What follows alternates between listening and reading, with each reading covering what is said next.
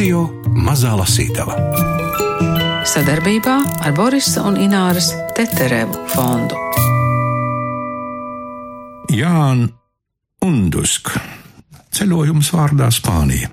Viņš pats to ir nosaucis par neizdevušās piezīmes. Tulkotāja Maima Grīnberga par igauņu rakstnieku, literatūras zinātnieku un tulkotāju Jānu Undusku ir gatava runāt pat nakts vidū. Bet Gundaram Āboliņam iesaka Unduska ceļojums vārdā Spānija lasīt dzirkstoša baltvīnu glāzi rokās turot. Norunājām, ka baltvīns, lai paliek kādam vasaras vakaram pēc priekšā lasīšanas. Ne par velti grāmatu nesauc ceļojums uz Spāniju vai Spānijas ceļojuma piezīmes. Undus gadījumā tas rosinājums ir bijis pilnīgi fizisks ceļojums 90. gadu beigās, kurā viņš devās ar grupiņu, nu, arī literātu un ne tikai, un viņi vienojās vienā brīdī, ka varētu mēģināt rakstīt ceļojuma piezīmes.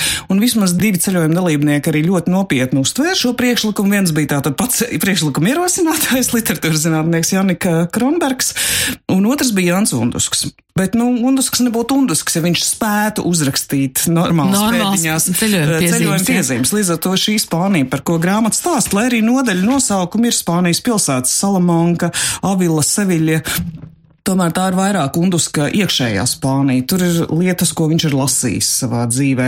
Viņš domā par Donu Žonu un par Avilas Terēzi, par inkvizītoriem un par Donu Kihotu, par Unamuno un par Krievu anarchistiem. Tā kā tas Spānijas fons, kaut kāds tas neprātīgais karstums, kas tur ir, jo viņi aizbrauc pašā briesmīgākajā laikā, vienkārši tie ir tādi ārkārtīgi intensīvas, piesātinātas, nu, būtībā tās, protams, ir esejas, lai gan vismaz divus varētu kvalificēt kā stāstus un vienu kā raidlugu, bet, nu, principā tā tomēr ir eseja grāmata. Nu, bet eh, viņš ir devis apakšu virsrakstu neizdevušās piezīmes. Nu, jā, jo tā. no, no tāda turisma viedokļa tās ir Nekā, jā. neizdevušās. Un turklāt viņš bija iecerējis, ka grāmatai būs deviņas daļas. Tie teksti, kas te ir publicēti, viņi visi ir sarakstīti jau 2000. un 2001. gadā apmēram. Un tad viņi tika publicēti Igaunijā periodikā, daļa no viņiem ne visi. Un viņš cerēja, ka viņam nu, kaut kādā brīdī būs laiks vēl tās četras pierakstīt, jo viņam bija gatavi jau nodaļu nosaukumi, viņš zināja, ko viņš grib rakstīt, taču, nu, tas direktora amats un, un nesanāca. Un, nu, viņš kaut kādā brīdī, ā, starp citu, to pat es varētu pastāstīt, tas bija ļoti interesanti, jo tad, kad iznāca grāmata gaidot vārdus pie mums. Latvijā. Es Igauņu viselitārākās izdevniecības Lomingu grāmatu direktore teicu, paklau, nu, un uz kam līdz šim Igaunijā nav stāstu grāmatu, nu varbūt vienkārši paņemiet piemēru no mums un izdodiet kaut vai tos pašus stāstus. Un tad viņi teica, jā, patiešām lieliski ideja. Bija zvanījuši Jānam Unduskam, kurš bija izdomājis, ka, nu, nē, nu, tādu pašu ne, izdosim to manu Spāniju beidzot. Tā kā, nu, savā ziņā mūsu grāmata rosināja šīs grāmatas iznākšanu Igaunijā. Turistu pulciņš savu vārdi uz Salamankas universitātes fasādes pēdīgi ir atradis un visi kā viens nesas uz nākamo objektu. Turismu varētu definēt kā ceļu pie skaudības objektiem. Man aiz muguras stāv akmens vīrs, kurš bija sapratis, ka no skaudības šajā pasaulē atbrīvo tikai cietums. Taču ar tādu zināšanu šajā pasaulē nebija ko iesākt. Kad Luīsu de Leonu inkvizīcijas tiesai nodeva otru reizi 1582. gadā, tad viņu vairs jau neielika pat cietumā. Iespējams, tikai aiz tīras skaudības. Nelaimīgais cilvēks. Manā priekšā izaicinoši virmo vēl otra persona, kas asi pretnostatās turistiskajam pasaules uzskatam. Tā ir melnajos bikšu svārkos starptā basku teroristka ar garo bīzi, un viņas vārds ir vai nu Estrela Māra, jūras zvaigzne, vai Estrella, vienkārši zvaigzne vai Esta. Smilšakmens versmē viņa velk smēķi, un mūno mazmeita man galvā iešaujas pilnīgi nepamatota doma. Kādi vīrišķīgi centieni tiks sievišķīgā korpusā? Neviens viņu neapskaudīs, ja uzzinās, kas viņa ir. Brāļa Luisa tuvums iedrošina mani palikt uz vietas, kaut gan man ir šausmīgi žēl, ka nemāku viņas valodu. Kāda bauda būtu nosūtīt avīzei Ēsti Express sensacionālu interviju ar basku terorista organizācijas biedri, ja vien es mācētu valodu. Jīrī Talvets mācētu gan. Taču viņš neuzķertos uz tik lētiem trikiem. Bet tad kādā brīdī, mazliet vēlāk, izrādās, ka skuķi kādu laiku studējusi Bonnā un tekoši runā vāciski. Esta, viņa pagaidām vēl pastiepja roku, un es viņai spontāni atbildu esto. Viņa to laikam uztver kā asprātību, jo gan esta, gan arī esto ir norādāmais vietnieku vārds. Mani valodas nepratēji centieni, protams, ir pateikt, ka esmu Estonijā. Tātad viņa to uztver kā sprātību, taču tas neapmierina viņas ziņkāri uzzināt, kas es esmu. Kabatā atroda kaut kādu darba apliecībai līdzīgu dokumentu, ko nesāja līdzi cerībā iekļūt muzejos par zemāku cenu. Uz dokumenta gan igauņu, gan angļu valodā rakstīts, ka es strādāju Igaunijas Zinātņu akadēmijas literatūras centrā. Estrella pastiepīja kaklu dokumentu virzienā, un pirmo reizi mūžā mans deguns uztver šo cukurpiķa smaržu. Jūtu, ka esmu dzīvnieks. Smaržas pievilkšanas vai atgrūšanas spēkam pretoties nespēju. Es nezinu, kas ir cukurpiķis, kaut gan saistu šo saldo darbas vai tabakas piķa smārdu ar kaut kādu nēsošu melnu baltu substanci. Es arī vēl nezinu, vai šī intensīvā smarža mani pievelk vai atgrūž.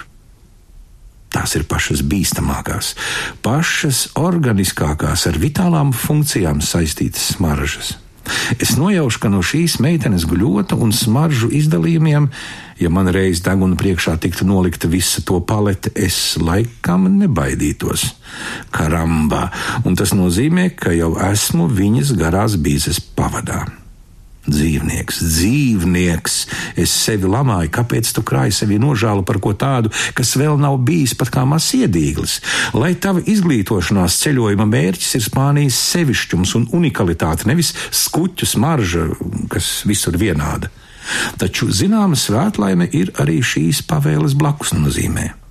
Visas sievietes, visas mutes, visi kauli, visas nabas, visi pakauši, paduses un viss pārējais visur smaržo vienādi.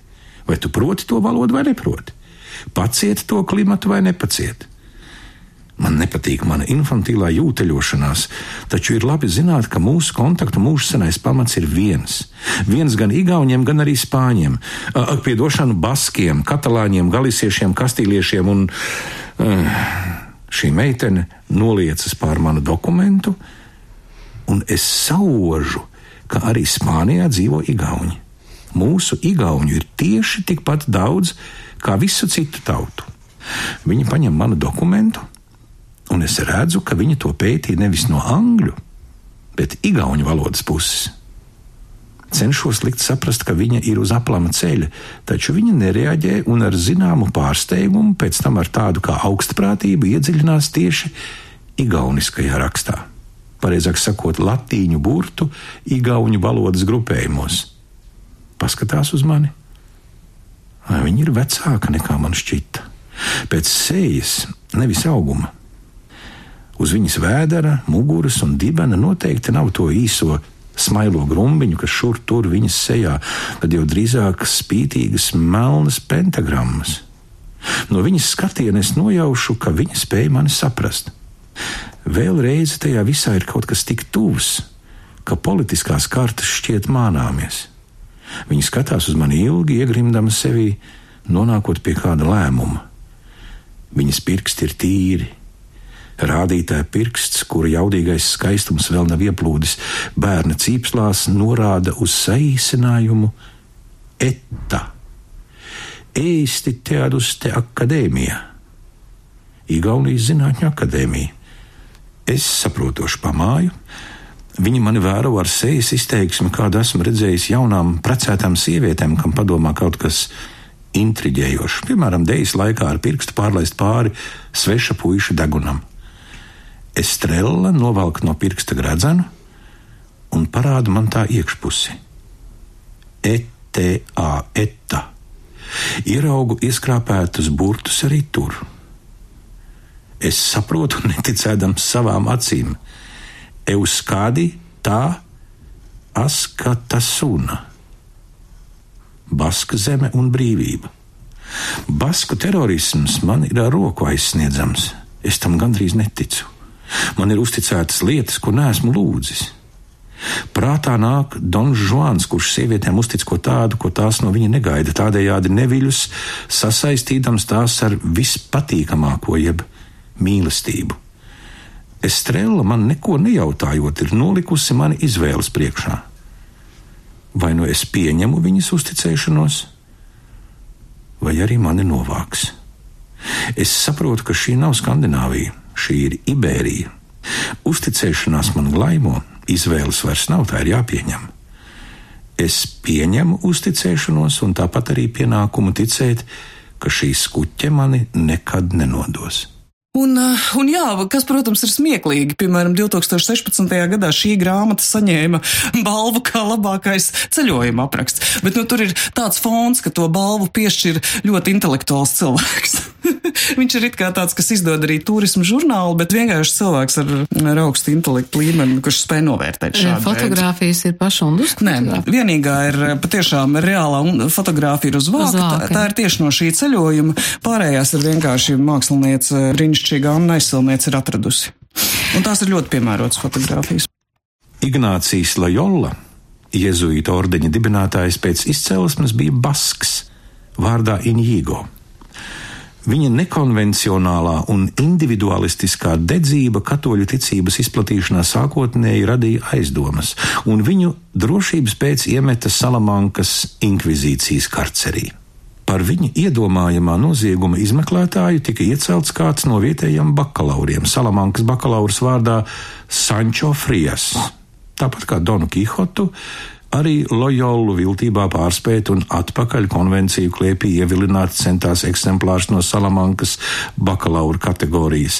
Pienāca brīdis, kad kļuva skaidrs, ka basku anarhists Lojola kopā ar savu fanātiķu kompāniju, kurā sākumā ievērojama loma spēlēja arī kristīti jūdi, var paveikt lielas lietas kastīliski katoliskās baznīcas viengabalainības kaldināšanā. Savā ziņā jezuīti Baska Lojolas vadībā izglāba Romas katoļu baznīcu laikā, kad to bija piemeklējusi vislielākā krīze. Var arī teikt, ka basku anarchisms, iemaisīts Kastīlijas kolektīvajā garā, ienesa svaigumu un izglāba šo pašu Kastīlijas garu, kas bez stipras Romas katoļu baznīcas nebūtu bijis iedomājams. Apmēram tāpat kastīliskumu simboliski atjaunoja un nostiprināja arī Unamuno, samaisīdams kastīliskuma nacionālo simbolu Donu Kihotu ar basku radikālo individualismu.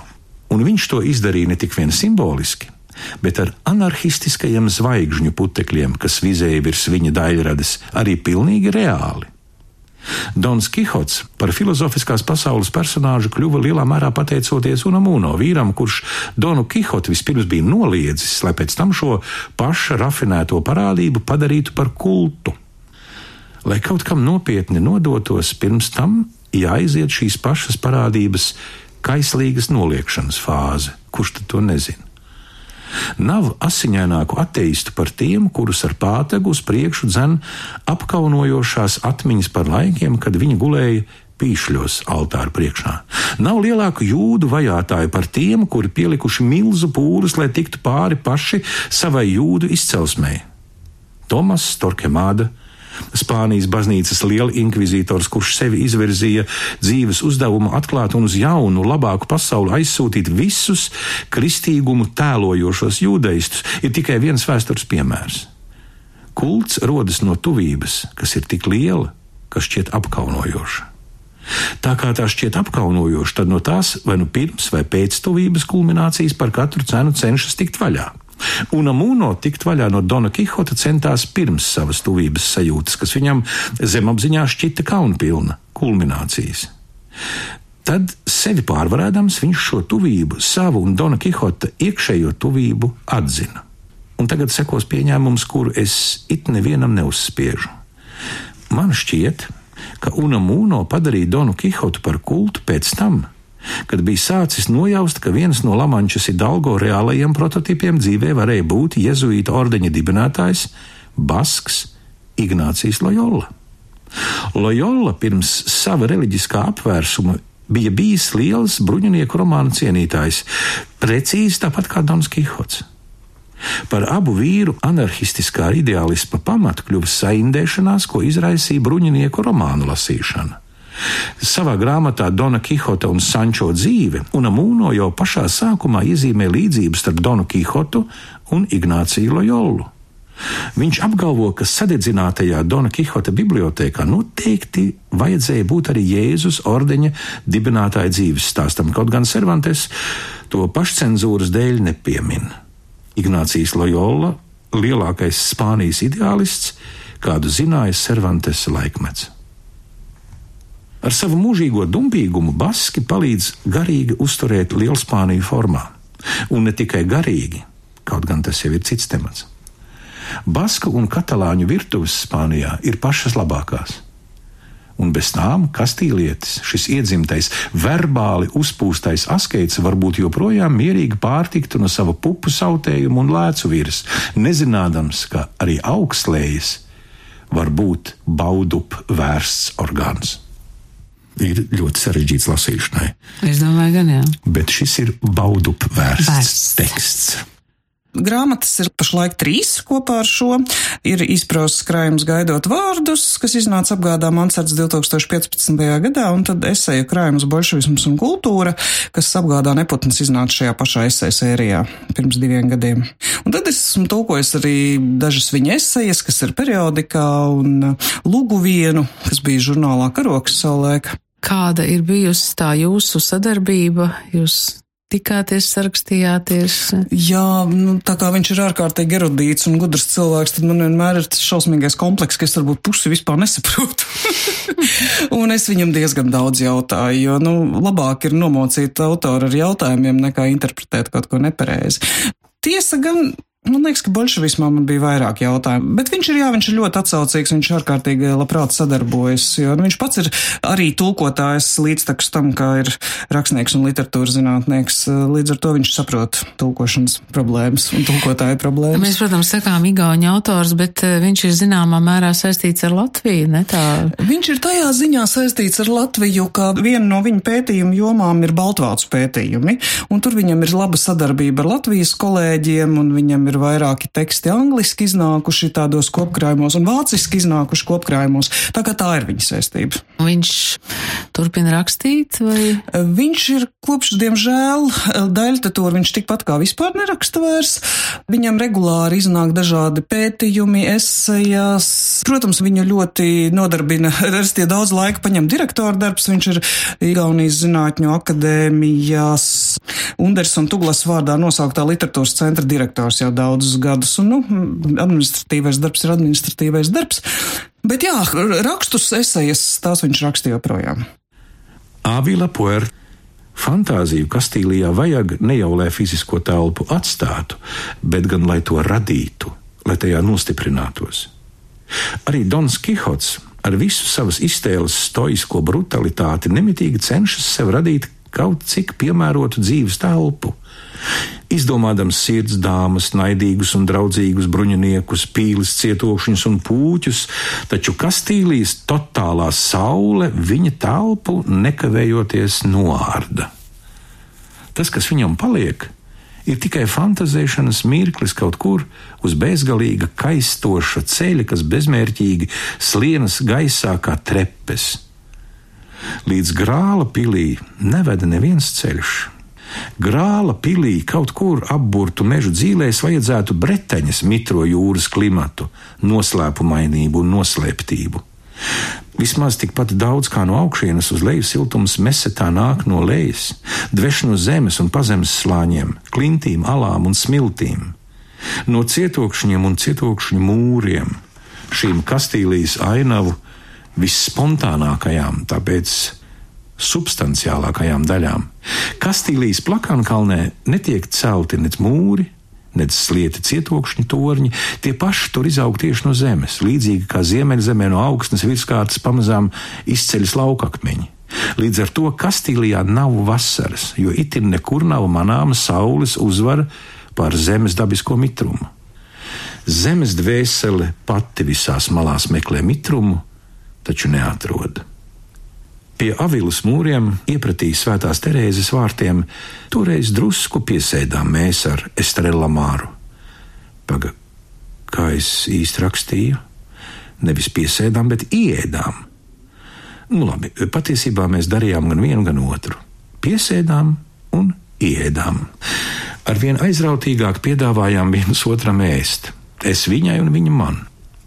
Man ēst negribējās, bet es piedāvāju viņai, un arī viņai negribējās, bet viņa vienā laidā piedāvāja man. Ap mums viss kaisa, un varanai ēšanai karstā laikā nebija nekādas jēgas. Dzert mums būtu vajadzējis, bet mēs tik ēdām, jo neviens ne otrs nespējam otram atteikt. Estrela bija pārliecināta, ka mums vajadzētu iestiprināties pirms dosimies staigāt pa mūriem. Radās iespējas, ka avilas mūri ir bezgalīgi augsti un gari. Ja pirms to apmeklējuma ir tik tīši jāiestiprinās, jāpiesēž un jāiestiprinās kā pirms došanās garā ceļojumā. Es jau nu zināju, gan, ka patiesībā tās mūra augšas nav garākas par pāris kilometriem, un pat daļa no tām ir apmeklētājiem slēgta. 88 torņi, dārgo zēnu, Estrēla teica, 88 sarktorņi, kur vaktē vīri ar garām šautenēm. Un turklāt visu zemi viņi piebilda, jo augstākas pilsētas par Avilu Spānijā nav. No Avilas var pārredzēt visu Spāniju. Avilā visu var paturēt acīs. Tieši no šejienes pār Spāniju valda Terēze no Jēzus un Jānis no Krusta. Spānijā vienmēr rodas kaut kādi pāri, vai tu to esi ievērojis? Viņa vaicāja. Ferdinands un Izabela, Jānis un Terēze, Ola un Sēkla, Ola un Sēkla, tas ir šön, nicht wahr?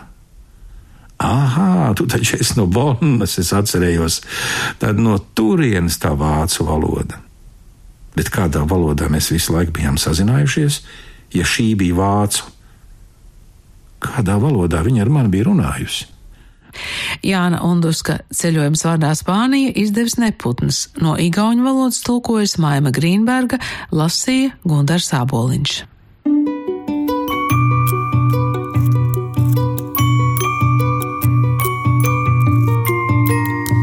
Radio Mazā Lasītava sadarbībā ar Borisa un Ināras Teterevu fondu.